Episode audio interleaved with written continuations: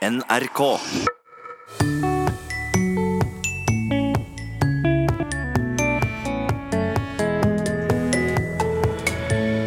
Nå går det på stumpene løs, sier vi. Men da tar vi feil. Ja, opprinnelig så heter det på, på stumpene, bare. Eh, Så dette løs-ordet har ramla inn der, fra, litt fra, fra sida. Uttrykket 'du er som hermetikk', er det et kompliment? Ville du, Tore, likt å bli omtalt som at du ser ut som hermetikk? Og Odd Nordstoga og Stein Torleif Bjella konkurrerer om å være best i dialekt. Vel møtt til Språkteigen. Det kan jo virke litt defensivt å starte ei sending med å gå på stumpene løs. Men det er et av mange lytterspørsmål som vi skal gi svar på i dag. Først er det Georg Kjøll og Tor Erik Gjenstad som skal sørge for det. Og første spørsmål kommer fra Ola, som skriver. Jeg brukte uttrykket på stumpene løs, men ble irettesatt. Jeg fikk høre at det bare heter på stumpene. Er det riktig? Hvordan har uttrykket blitt til, og hvorfor har det da eventuelt endra seg, sier Ola, som tror at det er flere enn han som da bruker uttrykket feil. Og Georg Kjøll, er det feil med på stumpene løs? Ja, opprinnelig så heter det på, på stumpene, bare. Eh, Så dette løs-ordet har ramla inn der, fra, litt fra, fra sida. Og det er et sjøfartsuttrykk, egentlig, så det er litt lite gjennomsiktig, som, som er tilfellet for mange av disse faste uttrykkene som vi ofte snakker om. For det er, et, spesiell, det er en spesiell type seil vi har har å gjøre med her, og det er det siste. Eller altså det er et, et seil som satt spesielt lavt, og som du kunne bruke under storm. Så det var det siste seilet du på en måte hadde oppe når været var skikkelig hardt. Uh, og når det går på stumpene, da bruker du på en måte de siste ressursene og siste, siste utvei. Uh, og det er sånn det uttrykket har, har fått fotfeste inn, inn i moderne norsk. Og så kan man jo lure på hvorfor den løs-konstruksjonen har dukket opp. Ja. det beste egentlig jeg kan komme på der, jeg vet ikke om du har en annen teori på det, Tor Erik, men jeg, jeg, jeg tipper kanskje at det har med denne konstruksjonen at noe går på æren løs, eller på helsa løs, eller på livet løs. Uh, så du har den samme på en måte syntaktiske strukturen. Og at eh, ja, det lar seg, lar seg påvirke litt, og så føles kanskje på stumpene føles litt ufullstendig. eh, Så man får lyst til å legge på, legge på noen flere ord. Ja, nei, Jeg er helt enig i det der, og det som slo meg òg, at eh, det må eh, ha virka inn akkurat det der på livet løs, som du nevnte, ja. Eh, du har jo også det der å redde stumpene. Ja. Det er vel også fra seiling og akkurat det, det her. Ja, altså du redder stumpene, eller du berger, berger Mm. stumpene. Da er det de siste restene du, du Mm. på en måte holder, eh, Mm. holder fast på. Og så kan man jo si at eh, hvis man har den syntaktiske eh, konstruksjonen her, da, med å gå på helsa løs eller gå på livet løs, så, så kan du si at hvis du har en ordentlig storm, så går jo den på stumpene løs. Eh, den tar jo, altså Dette er jo konstruksjonen går løs på noe, eh, som man snakker om i slåsskamper, f.eks. Uh, så, så sånn sett er jo ikke uttrykket helt, eh, helt feil. Det kan være at eh, ja, det, eh, det, det gir mening, eh, det gir mening det når man tenker på, på det på den måten. Men eh, opprinnelig så er det på, på stumpene. Så kan man også eh, se at dette skjer i ganske mange eh, steder i språket, hvor du har eh, en setning som føles ufullstendig. Um, og at man får liksom lyst til å føye til noe. eh, og særlig med faste uttrykk hvor du er litt usikker på innholdet og eh, kanskje ikke kjenner opphav og sånn, så, så, eh, så helgarderer man litt og slenger på noen ekstra ord. Så vi, så vi har det i en del andre uttrykk. Så vi, vi, vi snakker f.eks. om å gå rundt grøten. Eh, men vi kan også snakke om å gå rundt grøten etter vann, som det er noen som eh, gjør. Eh, eller gå som smurt hakka møkk, som jeg også har hørt. Eh, ikke legge fingrene imellom, er mulig å si. Eh, men andre sier eh, ikke legge fingrene mellom fatet. Eh, hvor du også trekker inn andre, andre uttrykk. Da, fordi det er litt sånn Var det egentlig dette, eller var det Jeg slenger på noen ekstra ord, så ser vi hvordan det går. Uh, få noe banket inn med teskje, f.eks. Uh, eller at tiden er i ferd med å renne ut uh, i sanden. Uh, Ola har rett, han. Altså. Det, dette, er, eh, dette er ganske vanlig. Eh, og vi får eh, ta opp det spørsmålet igjen om noen eh, par, par tiår, og så får vi se hvor status er. Men eh, ja, helt sikkert, helt sikkert en utvikling som, som går i den retningen. Britt Wang har spørsmål om et gammelt trønderuttrykk som den brukte på 50- og 60-tallet, og som av og til fortsatt er i bruk, nemlig å stæl eller stjæle opp noen. Som i for eksempel han stjal den opp til å kaste snøball på vinduet. Hvor kommer dette uttrykket fra, spør hun. Ja, det er ikke helt enkelt å, å svare greit på det, for det er sannsynligvis eh, flere ord som har gått i hop her, eh, og blanda seg litt. Ei eh, mulig rot her, det er det verbet å, å stæle, som kommer av stål og som betyr å stålsette. For det er jo på en måte det du gjør når du egger noen til å ja, her da, å kaste snøball. Ja. Uh, og det andre det er jo det du finner i ordbøkene som å støre. Uh, som også betyr altså rå til, tale til, sette mot i. Og det er litt usikkert opphav. Det kan hende det henger sammen med støl, eh, stiv, norrønt stirder. Så det kan altså være ei blanding av de der. Uh, men så, når du har det her å stjele opp, når det kommer inn en J her, ja. så har det jo også blanda seg inn et tredje verb, altså å stjele. Eh, eller å, å stæle, altså om eh, å ta noe som ikke er ditt. Eh, og det er typisk trondhjemsk, at de kan si somme å stjele opp. Men det har også skjedd i andre dialekter. Et eksempel fra Meråker her. Må ikke ståle opp dem til å gjøre noe galt. og da ståle, det, er jo meråkerforma av å, å stæle, altså å naske. Så der òg har det blanda seg litt sammen. Og det varierer her uttalen mellom R og tjukk L. Altså det, det het, kan hete å stæle opp, altså, men noen som plasser heter det å stære opp, eller å stære opp. Her er det vanskelig å grave seg fram til hva som er, hva som er essensen opprinnelig, og kanskje ikke er én essens. Det er mange, mange essenser.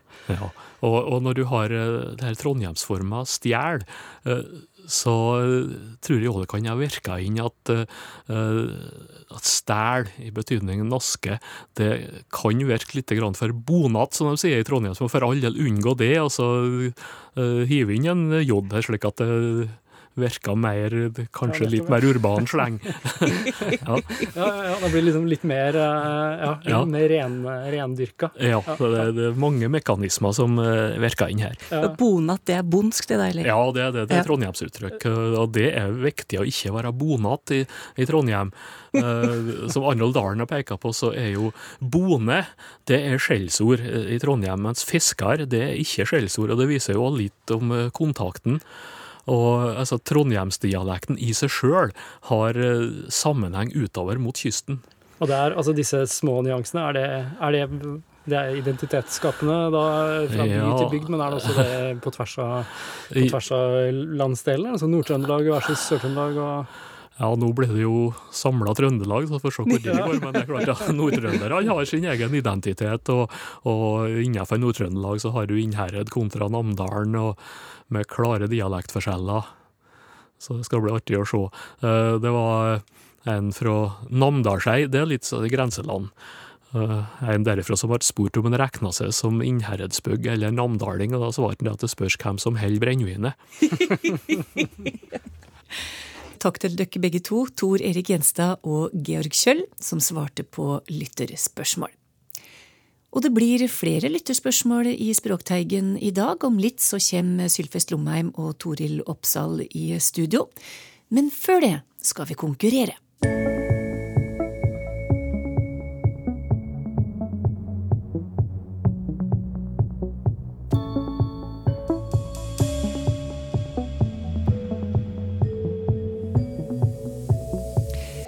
Tor Erik Gjenstad, han skal være med oss litt videre når vi nå skal over på den uhøytidelige konkurransen om norske dialekter Høtt sa du?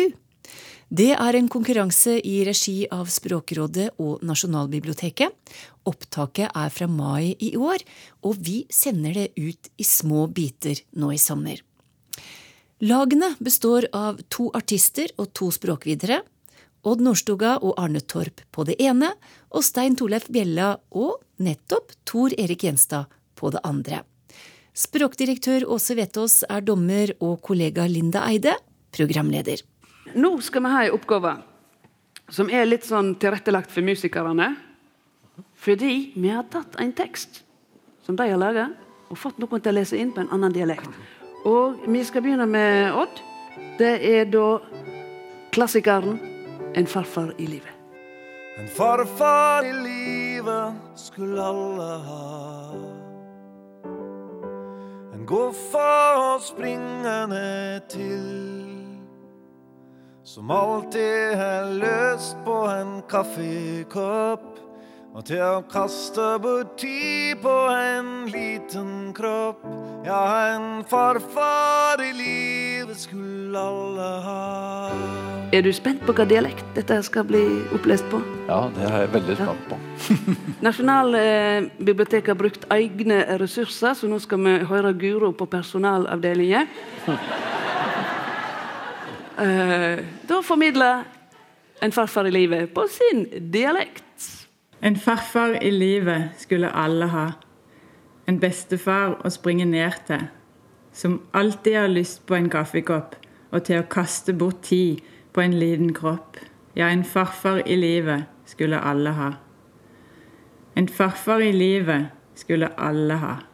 En bestefar å gå til. Med alt som en går rundt og lurer på. I farfar sitt naust får en alltid råd. Ja, en farfar i livet skulle alle ha. En farfar i kjeledress skulle alle ha, som lukta av olje og sjø. Og med lommene fulle av gammel skrot, det er mye å få bruk for i bestefars rod. Ja, en farfar i livet skulle alle ha.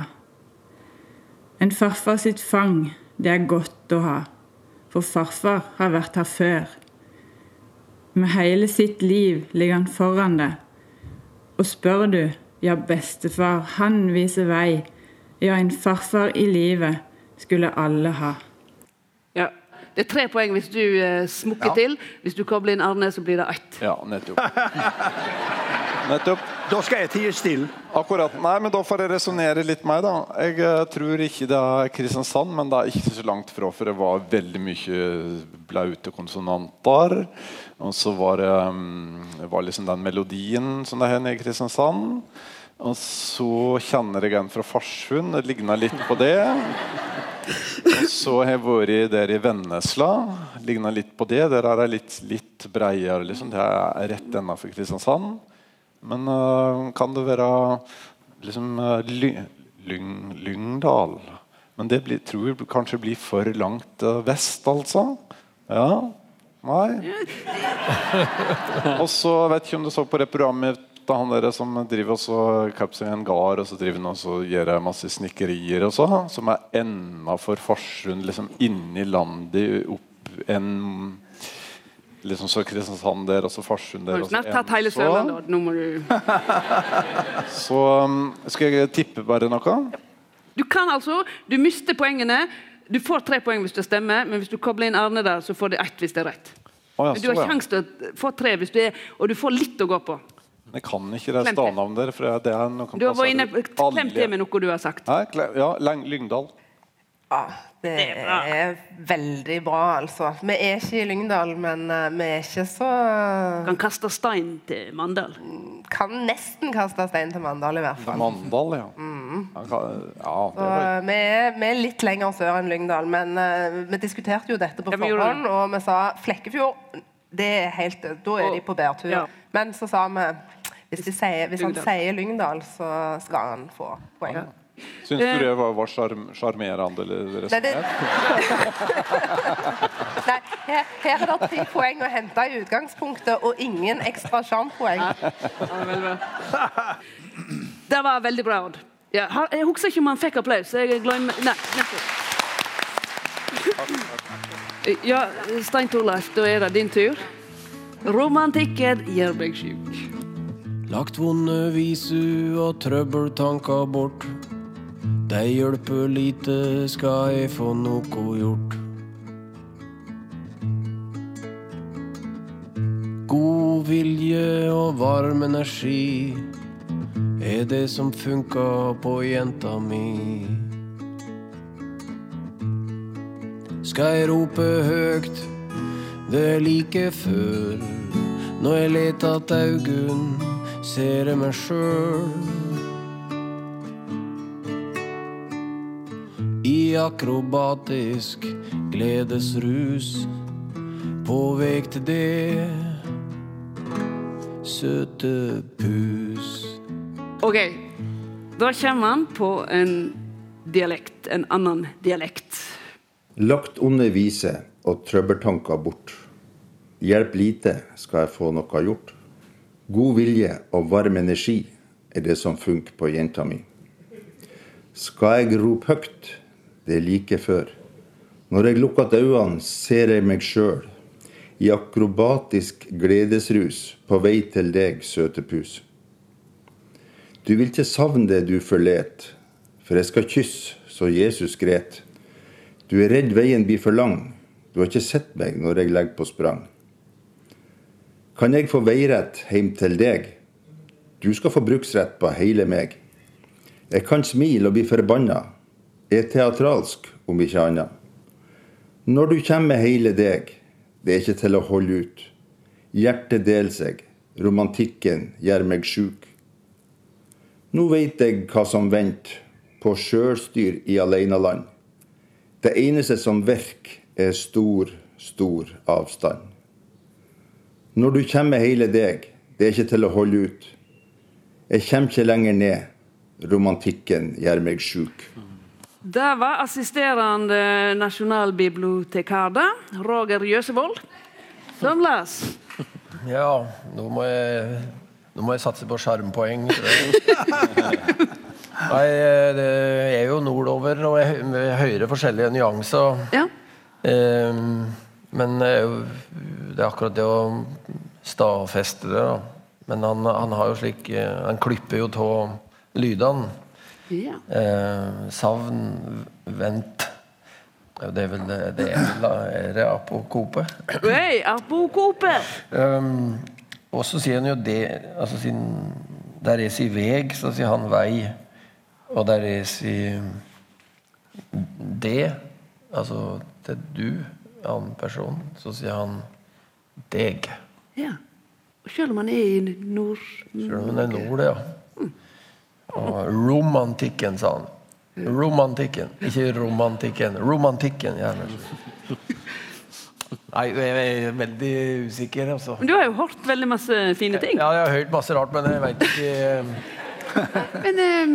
Men det, jeg tror kanskje det kan være den der Jeg, huks, jeg kjente en fra eh, Bø ute i Vesterålen. Vesterålen, og han, han prata så der. De hadde det der romantikken. Og det var, de hadde sånne lyder uti der.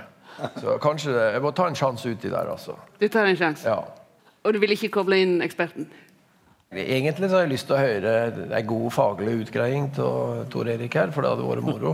Så jeg syns vi skal prioritere showet framfor eh, Oi! Nå ja. Jeg vet ikke om det kommer noe nærere i på det der. Eh, Men iallfall Jeg skal begynne å peile. Du har jo observert eh, mye bra trekk her. ja. Kan jo nevne at det hørtes ut som mye godt ha tynn el. Sjøl. Tunnel. Tunnel. Ja. Da er du nord for Salten, sånn stort sett. Eh, nei, altså, jeg, Du var inne på Vesterålen. Jeg, jeg tenkte litt mer Lofoten. jeg. Nå eh, overlater jeg dette til at de svarer, og så overlater jeg resten til deg. Føler jeg at uh, det blir òg best for showet, for å si det sånn. Få vi et svar. Nei, jeg vil, eh, jeg vil gå for Vesterålen, da. Ja, ja. Ja, jeg går ikke for Vesterålen i det hele tatt. Og da, da var noen tjukke l-er der, altså. Var det det? Eh, han sier ja, jeg, jeg kan jo ikke produsere tjukke l-er med stil, men han sier altså sjøl, f.eks. Tøkte han sa sjøl, ja, altså, men, okay. men da er det Salten, altså. Ja, vi skal rett og slett uh, til uh, Mo i Rana. Der var det. Ja, var det såpass langt sør? Det ble ikke poeng, da. Det ble ikke poeng. Nei, men det ble mye show, så den skal de ha. Stein Torleif Bjella, Tor Erik Gjenstad, Odd Nordstoga og Arne Torp konkurrerer i norske dialekter. Språkdirektør Åse Vetås er dommer, og Linda Eide programleder i konkurransen Høtt sa du.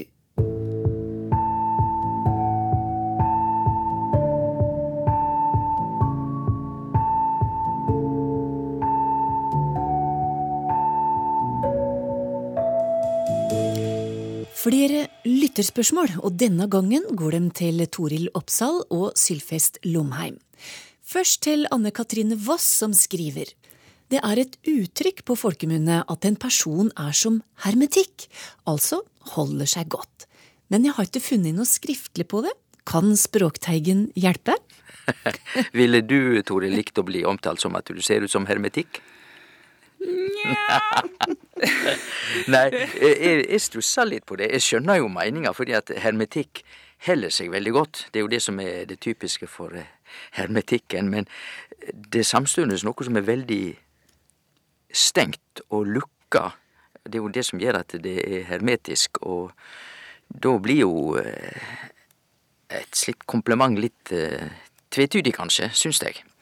Ja, men det, men, men det, er en kompliment, og uh, jeg uh, må innrømme at jeg er fascinert, fordi hermetikk, altså ordet i seg sjøl, det hermetiske, det har jo det har jo opphav i en gud. Ja, det stemmer. Der, der har du guden Hermes, ja. og Hermes seil, som nettopp da evner å gjøre noe lufttett. Eh, og når du er i en hermetisk tilstand, så, så ja, Man slipper jo unna en del alderdomstegn. Så, men, men, jeg må innrømme at jeg har aldri hørt dette. Eh, altså At det er et uttrykk på folkemunn. Det, det jeg tror på Anne Katrine Voss her. Men, men, men, jeg, men dette her er nytt for meg. Jeg skal gå ut og spisse ørene, men det er ikke så lett å høre i et lufttett rom. Men, men, men nei, det, det, dessverre. Her, her, har jeg ingenting å tilføre. Jeg liker det litt. jeg kom bare på, Når vi snakker om hermetikk, så kom jeg bare på slagordet fra Bjellands med 'ikke noe snikksnakk'. Gi meg Bjellands hermetikk. Hermetikk, takk. Ja, den er flott. Ja. Jeg lurer på om noen vet opprinnelsen til ordet stue. Stue kan f.eks. være å dytte mange ting inn på et eh, område. Det kan være å mose noe, så får du en stuing. Det kan være et lite hus eller hovedrommet i en bolig. Og er alle disse ulike stuen samme ordet? Hvor kommer det fra, spør Kristin Larsen. Og jeg spør deg, Toril.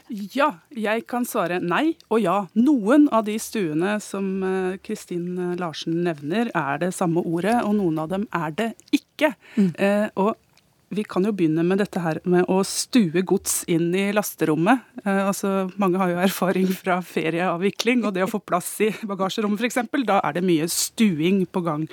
Dette verbet det kommer som veldig mange andre ord lånt via lavtysk. Mellomnedertysk. Dette er stuven, verbet å stue gods inn i lasterommet. Mens disse andre rommene, huset, det er stova. Det er norrønt, så det er et mer hjemlig ord. Eh, men vi har også andre. Vi har en stuing som vi kan koke opp. Det er jo en helt annen variant igjen. Og så har vi eh, noen som eh, kan stue foten. Der har du enda et verb igjen som antagelig ligger nærmere stuka. Sånn at noen av disse er like, noen er ikke like.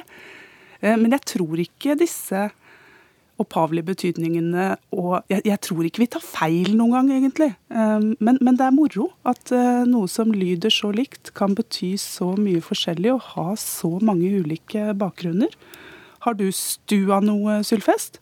Eh, ja, det har jeg absolutt. Og jeg har stua ankelen òg. Men, eh, men, jeg vil eh, legge til en kommentar når det gjelder dette rommet. For det er jo, som du Toril var inne på, det er jo gammelnorsk. Eh, og svenskene har det. og ja, helt teke, Men, men, det er nok et internasjonalt ord langt tilbake slikevel. Og det artige er at eh, sannsynligvis hele stova som rom i opphavet var sjølve eldstaden, ja. altså det det var varma opp. Og derfor det franske ordet etouffé er faktisk i slekt med vårt stove, og etouffé betyr å bli kvalt. Altså det blir så varmt at du nesten blir kvalt. Og da tenker vi igjen tilbake til romerne som hadde sine badstover og alt. Så eh, i det hele tatt dette ordet stove hos oss eh, har liksom forgreininger utover i hele den europeiske kulturen, og det er mye interessant å si om det. Absolutt. Og dette er, jeg syns det er moro da også å ta utgangspunkt i denne her grunnbetydningen. Dette lille huset med ildsted. For at dette må jo ha vært der vi samler oss. Nettopp. Og der har du også dette store rommet, den mer, mer moderne betydningen med offentlig rådhus f.eks., og skolestue. Og du har rett og slett bare værelser og oppholdsrom, som vi også Mm. kaller stue. Det er jo der vi møtes. Ja, Eh, Så der har vi en, en felles bruk, i hvert fall. og det betyr jo at en viktig sluttsats må være at denne stova hun har blitt veldig mye større etter hvert som vi nærmer oss vår tid. Det blir jo bare større og større jo mer penger vi får. Ja. Men spørsmålet er om vi klarer å stue den full likevel. Åse Våg Åknes skriver Før linsene var satt i og morgenkaffen drukket, spurte sønnen på seks år. Mamma, hva er en het? Altså, hvilken funksjon eller betydning har het, som i for eksempel ordet hemmelighet? Kanskje var det tida på døgnet som gjorde det, men etter å ha lira av meg noe ubrukelig om adjektiv og substantiv, så seksåringen ut som et spørsmålstegn. Kan noen med bedre norskkunnskaper og pedagogiske evner hjelpe meg med en forklaring? Eh, Vi kan prøve. Het er opprinnelig et eget ord. Eh, Og du kan bruke dette ordet til å lage nye ord. Hvis du har et ord som eh, dum, og så legger du til het, så får du ordet dumhet. Eh, Det er en egen måte å danne ord på som vi kaller for avledning, fordi denne heten den har nå fått en ny status, ikke som et ord, men som et suffiks. Eh, Det har vi lånt fra andre språk lenger ned i Europa, men vi bruker det til å danne nye ord. Og de orda vi får, det blir det vi kaller for substantiv. Så snill, hvis du er snill, så kan du beskrive noe. Og det er et adjektiv. Og så legger vi på het. Da får vi snillhet. Og det er et substantiv. Og det kan vi igjen beskrive. Snillhet, den er ikke, er ikke alltid, alltid grei. Den kan være dum, den òg. Eh, og så kan vi legge på enda en het, og da får vi dumhet. Ja, nei, dette Det er jo det som er hele poenget, at eh, disse etterledda het, og vi kan ta nynorsk skap, var opphavlig egne ord, og vi har det faktisk som egne ord ennå. Eh, la oss si dumhet, sa du på bokmål. På nynorsk dumskap. Og et skap er jo at det ser ut som, eller har vesen som, eller er som. Og derfor dumskap har vesenet til det å være dum. Og vennskap, for å ta noe penere, det har skap av å være venner. Bare en liten utfordring da, Toril. Til denne seksåringen så sa du at du setter på et suffiks. Ja. Hva er et suffiks? Det er noe du kan klistre bakpå et ord for å få et nytt ord. Se det. Takk til Toril Oppsal og Sylfest Lomheim. Språkteigen tar alltid imot spørsmål om ord eller anna om språk. Bruk e-post teigen krøllalfa nrk.no eller Språkteigens i gruppe på Facebook. Og Språkteigen finner du også som podkast via nrk.no podkast. Vi høres om ei uke. Ha det bra.